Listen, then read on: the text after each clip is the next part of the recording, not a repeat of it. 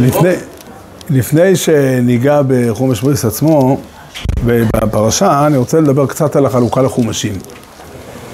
אנחנו מכירים מאוד מאוד בולט אצלנו, אה, בולטת אצלנו החלוקה לפרשות. כמעט, אה, זה הנושא, אנשים מדברים, היום פרשת שמות, פרשת וארא, פרשת בא, יש אפילו כאלה שדרשו ראשי תיבות של שמות של פרשות, יש כאלה ששואלים כל מיני קושיות, כן. לא, לא, לא, זה לא רציני, אין, שמות לפרשות. לא רק שאין שמות לפרשות, אין שמות לפרשות, כן? שמעתי פעם מישהו ששואל איך, איך קוראים לפרשת חיי סורו חיי סורו, הרי שרה מתה שם. התשובה האמיתית היא שאין שמות לפרשות. יש אה, חלוקה לפרשות שהיא חלוקה שנועדה לצורך טכני, כיוון שנהגו את המנהג, הנהיגו את המנהג, תיקנו את התקנה לקרוא את כל התורה כולה פעם במעגל של שנה, וכיוון ש... ש... אה, וכיוון שזה מחייב לחלק את הפרשה לחלוקה שווה פחות או יותר, אז חילקו את התורה לפרשות. שנה או שלוש שנים? היה מנהג כזה של שלוש שנים, ואז חיכו לשלוש, אה, פי שלוש חלקים. לפעמים אנחנו רואים באופן ברור שהשפיע עליהם בנושאים, לפעמים אנחנו רואים שהשפיע עליהם, פעלו הפוך מההיגיון הטבעי הזה. כן, אברום אבינו מופיע בסוף פרשת נוח, ונוח מופיע בסוף פרשת, אה, פרשת, אה, פרשת בראשיס, למשל. לא חושב שזה ככה. התורה ודאי, מי שפותח את החומש לא ימצא שום חלוקה לפרשות. כן, הפרשות מופיעות ברצף אחד. גם יש חלוקה, החלוקה לפרקים היא... למה לא עשו באמת? זאת אומרת, למה... מה הגיע להם לעשות ספר אחד שהוא חתיכת טקסט אחד רציף? לא, זה מה אתה רוצה. לא, לא, זה לא נכון. הוא מחולק לפרשיות. כן? כל כמה פסוקים, לפעמים יותר, לפעמים פחות. יש פרשה פסוכוסטום, וזה בדרך כלל חלוקה של עניין. לפעמים יש מצב שאפשר לשאול קושייה למה זה כך. בדרך כלל החלוקה של פסוכו וסטומו היא חלוקה של עניינים. וכולי. אלה הם שתי החלוקות, יש חלוקה לפסוקים, שזה לא מופיע בטקסט עצמו, אבל הוא, הוא, הוא טעמי המקרא שהם מסורת מסיני, הם מלמדים את החלוקה לפסוקים, שזה משפטים שלמים. ברוך אתה לא יאללה, אני אומר לך, לא שהכל נהיה בדבורים. כן, מי שאמר ששמו יסבויר רבוי בשלח ישראל משפוטים זה שאוהבים, הוא התכוון להגיד וורט. היה לו שיקול כבד משקל, למה הוא חושב שהפרשיות האלה שעסוקות ביצירת עם ישראל וביציאת מצרים, הם, הנושא שלהם הוא תיקון, תיקון הברית. זה מקור בקבולה, המילה קבולה היא מילה, המקובלים אמרו את זה. מקור בקבולה... אני לא חושב שזה מה שזה, אני חושב, אתה שואל, מה הייתה כוונתם? אפשר לנסות לחשוב. כן, המקובולים היו בני אדם, והם חידשו חידושים בהתאם לתפיסת עולמם, כמובן. אבל הם לא בנו את זה על זה שהפרשיות, שמו יסבויר רבוי בשער ישראל משפוטים יוצר שובבים. ולפעמים שובבים תת. אמר לי מישהו, לא, תת זה תלמוד תוירו. כן, אז אה, תת זה צור ותצווה.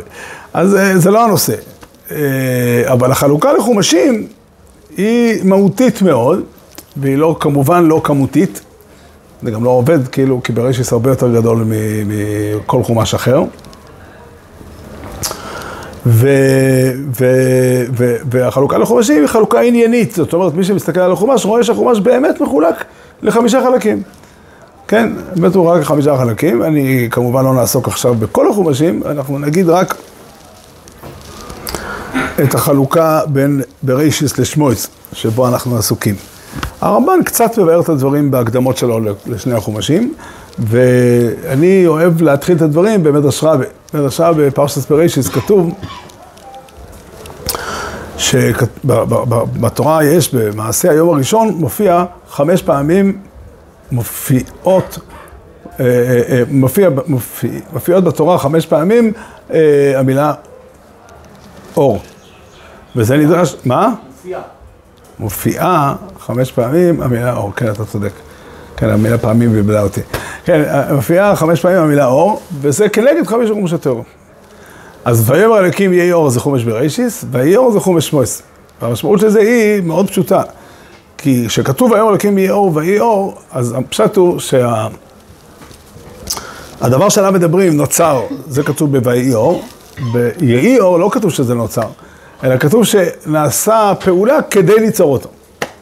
שזה הדיבור, ויאמר אלוקים יהי אור, זה כדי ליצור אותו. אז ככה חומש שמואס מכיל בתוכו, זה הנושא שלו, זה הכותרת שלו, יצירת האור, וחומש בראשיס זה כל הדברים שדרושים כדי שייווצר האור בחומש מויס. מהו האור שנוצר בחומש מויס? התשובה היא, האור הוא הופעת הקדושה בעולם הזה, שזה על ידי עם ישראל, על ידי הברית שלהם עם הקודש ברוך הוא, ועל ידי הטוירו. ואלה הם שלושת הצלעות של חומש שמות. אלה הם שלושת הצלעות של חומש שמות עסוק בהם. ואומר הרמב"ן בתחילת אה, חומש מויס, בהקדמה שלו, שנוסף בחומש מויס גם בניין המשכן, שזה הפרשיות האחרות, האחרונות שם, והסיבה לזה היא כי שלמות היחס בין הקודש ברוך הוא לבין עם ישראל זה על ידי השראת השכינה במקדש. זאת אומרת, בעצם האור שנוצר כולל שיהיו פה בני אדם בעולם הזה, עם בעולם הזה, שהוא סמוך על שולחנו של הקודש ברוך הוא, והוא אה, מקבל ממנו שפע, ו- ו- ו- ו- והוא חי לפי, על הברית הזו, שזה הטובו. זה הכותרת. נגיד אה, בויקרא, קורבנות, זה גם חלק מהקשר, זה לא... אתה צודק מאוד.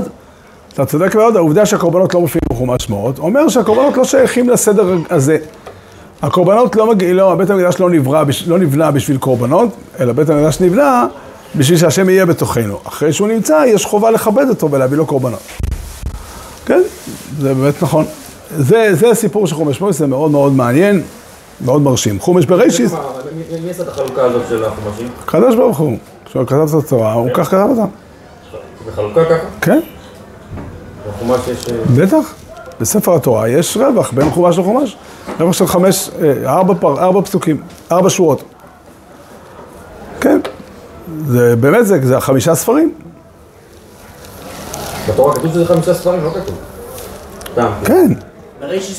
המילים... לא, לא, אין שמות לחומשים. אם אתה רוצה שמות, אז... משנה תורה זה שם שחז"ל נתנו לו. תורת כהנים זה שם לחומש ויקרא, חומש הפקודים, חז"ל קראו לזה ככה, זה שמות ענייניים יותר, זה לא שמות, לא שיש שמות באמת, אין שמות, התורה לא קראה להם שמות. אין, הרעיון לכתוב כותרת עם שם, לא חשבו, היה לא היה להם קופירייטר, הקדוש ברוך הוא לא העסיק קופירייטר, וזה לא, אין, אין שמות לחומש. מה עשו את התורה בשטח? לא חשב על טווח אה, ככה זה. ככה זה. זה, תסתכל בחומש, אה, תסתכל בספר התורה, תראה שבין סוף היחי לתחילת שמות יש רווח של ארבע שורות. צרות. ואני חושב שכל אחד מאיתנו, שהיו שואלים אותו איפה לעשות, איפה להפסיק את החומשים, היה מפסיק אותם פחות או יותר באותו מקום. כן, כי חומש שמויס מכיל את, ה, את, ה, את, ה, את היציאה ממצרים ואת ה, יצירת הקשר בין הקדוש ברוך הוא לבינינו. חומש ויקרו זה חומש המצוות, כן? חומש במדבור, כשמו כן הוא, תולדות ישראל במדבר, וחומש דבורים זה הנאום של משה רבנו, נאום הפרידה של משה רבנו. זה הכל. לכל אחד מהחומשים יש גם נושאים מהותיים שקשורים לנושא הזה שהם... אה, אה, אה, בהם הוא עוסק, ועכשיו דיברנו... אגב, תוירס קויאנים ומישנה תוירו זה כותרות אחרות לגמרי ממה שהרב נתן עכשיו. זה לא מצוות תוירס קויאנים. לדעתי, תוירס קויאנים, המשמעות שלהם, אם תוירס קויאנים, הכוונה היא, כיוון שזה חלק ההלכתי של התורה, לכן הוא נועד לכהנים שהם הורי ההלכה. בשונה מחומש בריישיס לצורך העניין, שכל אדם קורא את החומש ומושפע ממנו ומבין ממנו את המסרים, או חומש אה, דבורים גם, שיש בו גם מצוות, אבל רוב הסיפור, רוב, רוב הספר הוא מוסר, או חומש במדבור, שזה הסיפורים של, של הטוירו, אז החלק ההלכה של הטוירו מקוים רק על ידי פסיקת הלכה של הכהנים, ולכן קראו לו תיאורס כהנים. ככה נראה לי. לא חושב שחומש ויקרו כולו עסוק בכהנים. לא, זה המקום היחיד שיש הלכות. החומש היחידי, בוא נאמר ככה, כל מצווה שמופיעה באחד החומשים האחרים, צריך לענות תשובה למה היא נמצאת שם. וואו. כי באופן עקרוני החומשים האחרים עסוקים בסיפורים. לצורך העניין, דרך אגב, שבפרשת בוי מסופר על יציאת מצרים, אז יש שם את המצוות של קום פסח, ושל פסח, של החג, ושל אה, תפילין של בנויים על יציאת מצרים, ושל אה, פדיון בכורות. מאוד הגיוני הרב, גם המצוות באות עם הסיפורים. כן, כן, כן, כן. לא, לא לא, לא יכול, לא, לא, לא ברור שהתורה מסכים איתך לגמרי. גדעון השם, כל זה... כן, גדעון השם מופיע בפרשת צבאי וישלח, בגלל ששם יש את הסיפור. וכולי. לא תמיד אנחנו יודעים להסביר, יש מקומות שזה קשה, אבל זה באופן עקרוני, זה הסדר. לעומת חומש ויקרו, ששם נמצאים המצוות, כי שם הם נמצאים.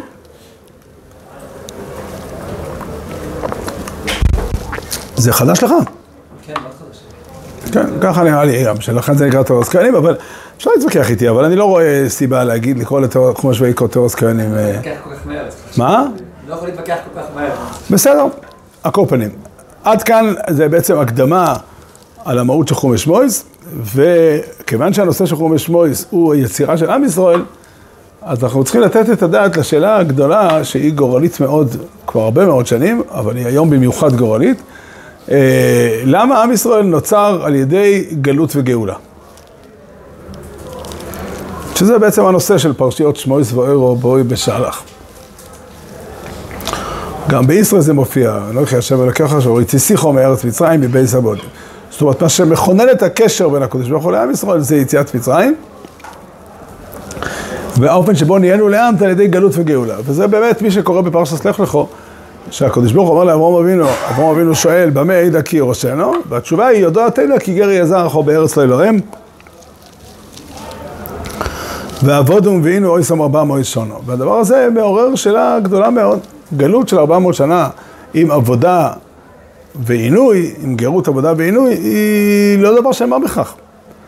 כן, זה אומר שדורות רבים של יהודים נולדו לתוך הגלות ומתו בתוך הגלות וילדו ילדים בתוך הגלות ונכדים בתוך הגלות וכולי וכולי, ורק אחרי 400 שנה יהיה, יהיה גאולה.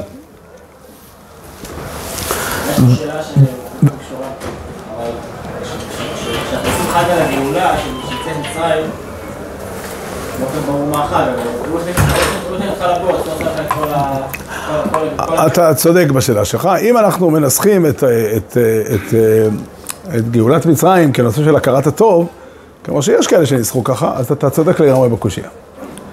לכאורה, כיוון שהוא הכניס אותנו לגלות, ויותר מזה, הקושי הוא שבשום מקום לא כתובה, לא כתובה הסיבה למה ירדנו לגלות. עם ישראל יצא לגלות בבל אחרי שנבוכדנצר כבש את ירושלים, והנביאים ממלאים את פיהם בהרבה מאוד דיבורים שמסבירים למה זה קרה. אפילו אבי הסכים. אבל, אה, אבל, אה, אבל, אה, למה הייתה גלות מצרים? לא נאמר על אברהם אבינו שום דבר לא. וזה צריך עיון. זה צריך עיון באופן מאוד מאוד חזק, כן? בפרט ש... ועד כדי כך הדבר הזה עובד, שאנחנו בליל פסח, לאחד מאן דעומר, מספרים את הסיפור בצורה הזאת, והילד לא אמור לשאול אותי, אבא, למה שהם הכניסו אותי למצרים? כן, ככה אנחנו אומרים, התחילו אוי דא ואזור אויה ועשינו ועכשיו קרבנו עמוק לעבוד דוסוי וכולי, שנאמר וכולי, מעבר הנאור יש לו ויסכם אוי לא מביאים את הפסוקים בפרש בספר יהושע, ואחר כך אומרים ויעקב ובונו ויורדו מצרים, וחוזרים לסיפור, כן, ברוך שם הרב תחוסן לישראל ברוך הוא, שהקדוש ברוך הוא אישה וסכן סלאסריס, כמה שנאמר, וכולי. זאת אומרת שאנחנו מזכירים בליל פסח, בתוך סיפור יציאת מצרים, מזכירים את גלות מצרים, ואת ההבטחה, את, ה, את התוכנית שהקדוש ברוך הוא תכנן שתהיה גלות מצרים, וכל זה לא מביא אותנו בכלל, לא מביא את הילד לשאול, אבא, למה ירדנו לגלות? לפני שאתה הולך בצד, אולי תגיד לי תשובה לשאלה. לא מספיק מונח בעניין. זה לא כזה שאלה חוקה, בטח שאלה ששאלת אותה יותר מפעם אחת. איך אנחנו מצפים לספר ביציאת מצרים? אתה עוד לא מספר לילדים שלך? לא, עוד קטנים. עוד קטנה, אה, הבת שלך עוד קטנה. כן. אבל, אז, אז אתה מספר לה, היא לא, היא לא שואלת אותך, אבא, למה ירדנו למצרים? או שהיא קטנה מדי בשביל לשאול.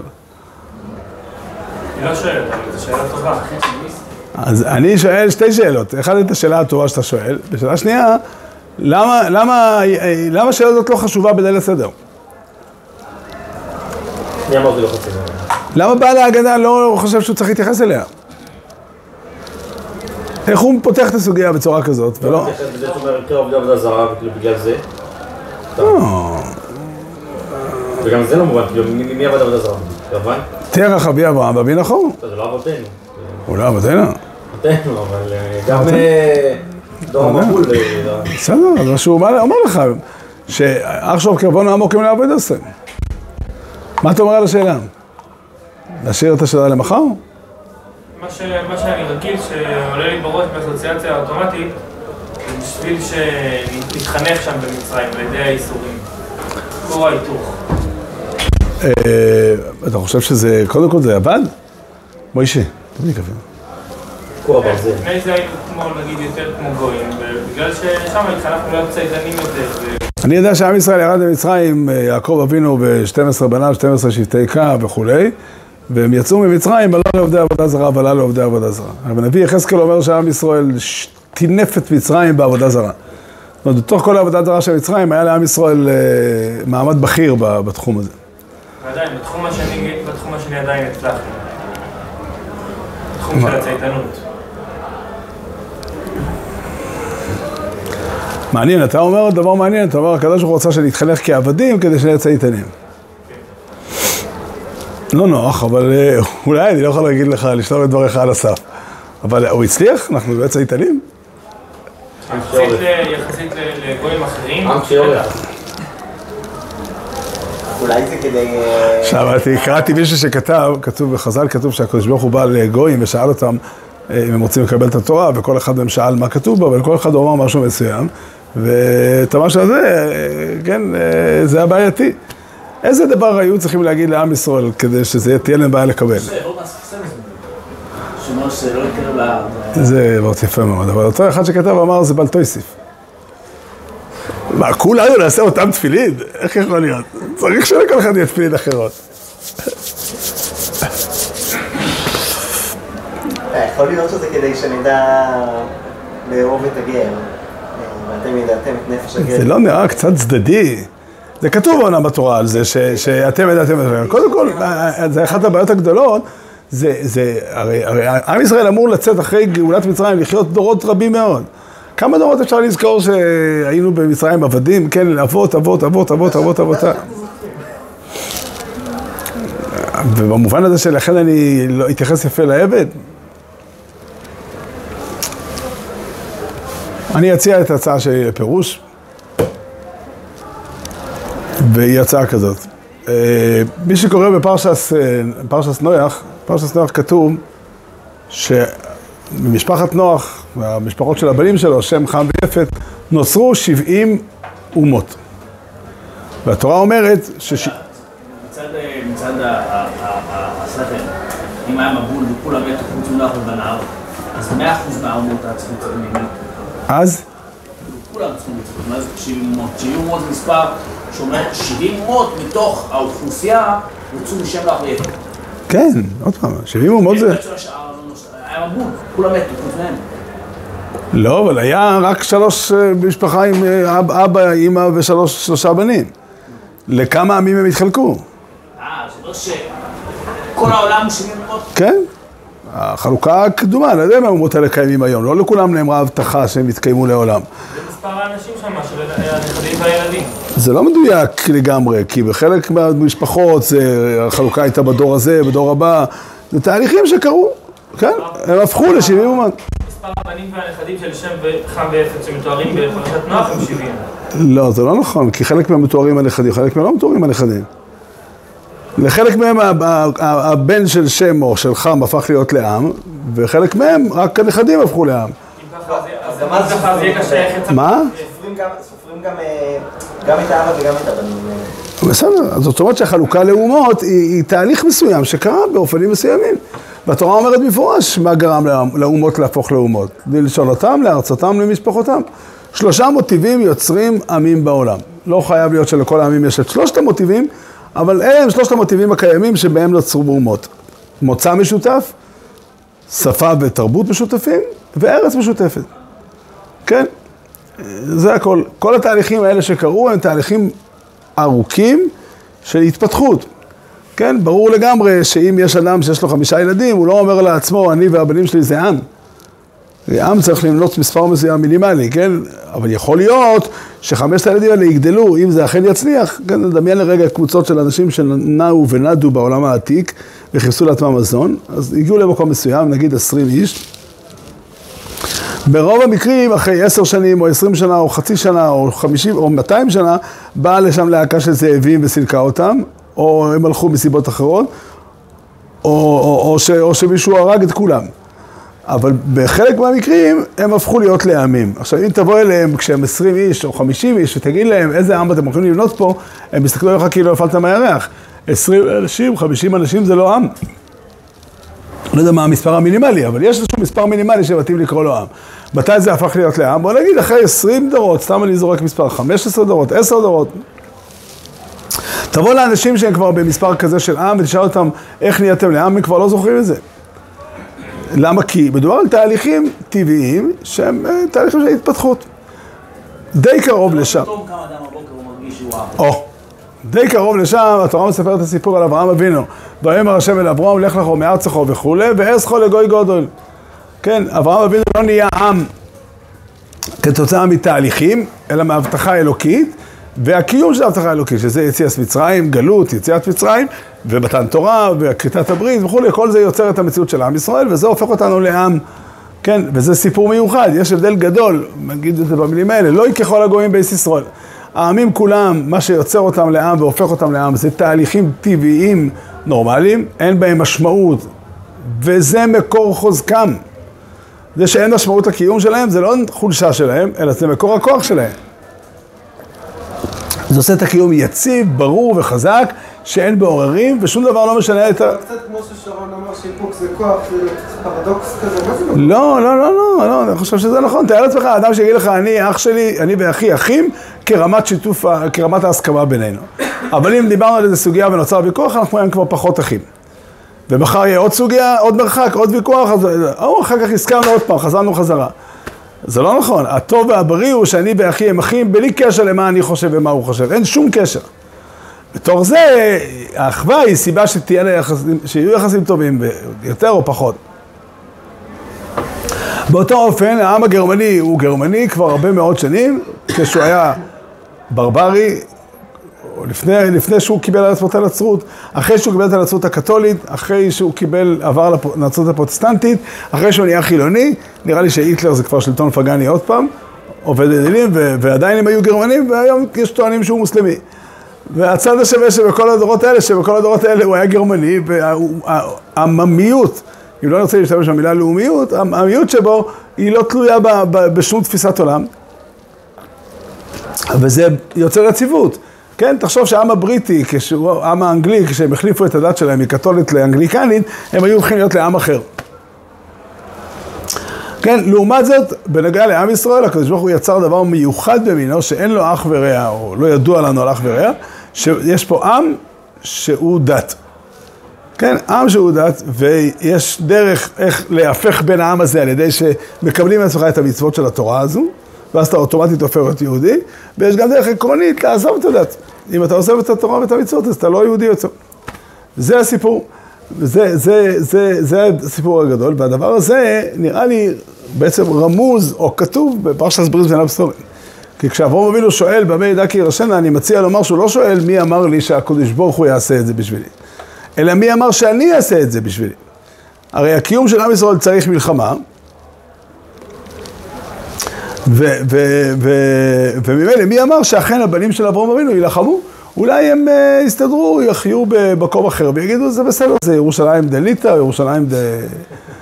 זה, והכל בסדר. או לחילופין יחיו בתל אביב ויגידו אנחנו מסתדרים בלי הקודש ברוך הוא. במה ידע כי ירשנה? מי אמר שאכן אני אכבוש את ארץ ישראל ויעמיד את הקדושה בעולם? אומרת התורה, התשובה היא, יודו תדע כי גר יהיה או בארץ לא אלוהים. ועבודו והנה איסו ארבע מועד שונו. תדע, היודע תדע זה לא עונש על במה ידע, אלא זה התשובה לבמה ידע. הסיבה ש, שאתה תירש, תירש ותילחם על הארץ, זה כי יש סיפור שהוא יוצר את התשתית לקיום של עם ישראל, והסיפור הזה, התשתית, הסיפור הזה הוא התשתית לקיום שלנו. ולכן אנחנו יכולים לדעת שאנחנו נלחם, כן, עם ישראל לא יוכל לאבד את הזהות שלו העצמית בגלל הסיפור הזה. זה נפלא עד מאוד. באמת עם ישראל הוא עם שיש בהוויה שלו סיפור על גאולה, על גלות וגאולה ועל... אה, אה, זה הסיפור של עם ישראל, וזה נותן, משאיר את עם ישראל נמצא דבק במקום. אני אוהב לספר מעשה שהיה, היה אצלי פעם יהודי שיש לו שלושה בנים, יהודי לא דתי, ששלושה בנים שלו חזרו בתשובה. אז הוא אמר לי, בחצי חיוך, הוא אמר, תראה, אני רציתי לחנך את הילדים שלי חינוך יהודי ציוני, ולכן הייתי צריך לספר, אה, לעשות ליל הסדר ולהגיד את ההגדה. וכל שנה, בזמן הגדת ההגדה, כשאמרתי להם וסיפרתי להם את הסיפור על פרעה ועל משה וכולי וכולי, הייתי קורץ קריצה קלה בעין כדי להעביר להם את המסר שאני לא מאמין בזה. אבל הם לא שמו לב לקריצה, ולכן הם כולם חזרו בתשובה. עכשיו, כמובן שזו בדיחה, אבל הבדיחה הזאת יש בה הרבה מאוד אמת, כי באמת סיפור יהודי חילוני זה בעיה רצינית, רצינית, רצינית, שאין לה פתרון. אין לה פתרון, אין מה לעשות. מה הוא מציע בנו כנעימי? אני לא יודע, לא שאלתי אותו, ואני לא יודע, אני רק כן אומר לך. הוא קורא שהוא לא מאמין. אז- הוא לא מאמין בכלום בסיפור הזה? אני לא יודע, לא שאלתי אותו, ואני לא יודע, אני רק רציתי רק להביא את זה כראיה באמת של... ה- ה- ה- ראיה לזה שהקדוש ברוך הוא ענה תשובה. אם אברהם אבינו שאל במה ידע כי ירשנה, הקדוש ברוך הוא עונה, יודו אתה ידע כי גר יהיה זרח או בארץ לא אלוהים. במילים אחרות, העובדה שעם ישראל, ההוויה שלו, הקימה שלו, מושתתת ומיוסדת על סיפור של גאולה, זה הופך את העם לעם דבק במקור שלו, עם דבק בקדוש ברוך הוא, ומקיים את, ה, את, ה, את, ה, את החיים שלו בצורה נכונה. זה הסיפור. זה הסיפור של יציאת מצרים, וזה סיפור נפלא עד מאוד. אני חושב שעד היום הזה, זה חלק מהמורכבות שמשקפת את החיים של יהודי בארץ ישראל, היא הסיפור הזה. בגלל שאין זהות יהודית אמיתית בלי הסיפור של התורה, וממילא הם, הם, הם, הם, זה יוצר להם בעיה רצינית, כי חלק מהרעיונות המרכזיים שלהם זה לשנות את הסיפורים, איך נקרא לזה ככה, מגילת העצמאות פותחת במילים, בארץ ישראל קם העם היהודי. ונשאלת השאלה, למה ראה מי שכתב את מגילת העצמאות, שלא היה עם אורץ ככל הנראה, למה הוא... אה, אה, אה, למה הוא מצא לנכון להילחם פה עם חומש שמות? חומש שמות כתוב במפורש שעם ישראל נוצר ביציאת מצרים או במעמד הר סיני, אבל אין צד בעולם שעם ישראל נוצר בארץ ישראל. ראיתי במדרש שכתוב על בילום שזה היה גנאי שלו, שהוא אמר, אני עם יצא ממצרים. הוא לא אמר שיש להם שורשים יותר אה, אה, מוקדמים מזה. לא, לא. לא. אז זה הטענה שלך על ה... לא, לא, סתם האם- לא, האם זה גנאי, הרב תמיד אומר שמתחיל ממצרים. לזה הוא התכוון. וזה כתוב, כתוב, כתוב שזה גנאי להגיד שהתחלנו ממצרים, התחלנו עוד לפני. תראה, יש אמת שהתחלנו, שהאבות הם התחלה ראשונית, אבל האבות, אה, מה שיצר את עם ישראל זה היציאה ממצרים. זה התורה אומרת. יציאת מצרים פלוס הברית אובס. בריס אובויס הייתה הסיבה למה השם הוציא אותם ממצרים, אבל מה שעשה אותם היום, הזה נהיה ישראל שם היום. אומר שזה כתוב שזה לא, שבעצם כאילו יציאה ממצרים זה לא, זה לא הסיבה, זה לא הסיבה שנהיה. אני לא יודע מה כתוב שם, בטח שבדיוק אפשר לנסות לפתוח ולראות, אבל דבר אחד ברור, ברור שאם אנחנו שואלים למה עם ישראל הוא עם ישראל, התשובה היא בגלל האבות. אבל איך עם ישראל הוא עם ישראל? זה בגלל חומש שמות. בגלל חומש שמות, שמצייר איך עם ישראל נוצר. עם ישראל נוצר באירוע שהיה אירוע לאומי. אירוע בינו לבינינו. האבות הם הסיבה למה אנחנו זוכים לזה, למה הקדוש ברוך הוא נתן לנו את זה. אבל עצם הדבר, כן, עם ישראל נהיה לעם, ברור לגמרי שעם ישראל לא היה עם בזמן יעקב אבינו.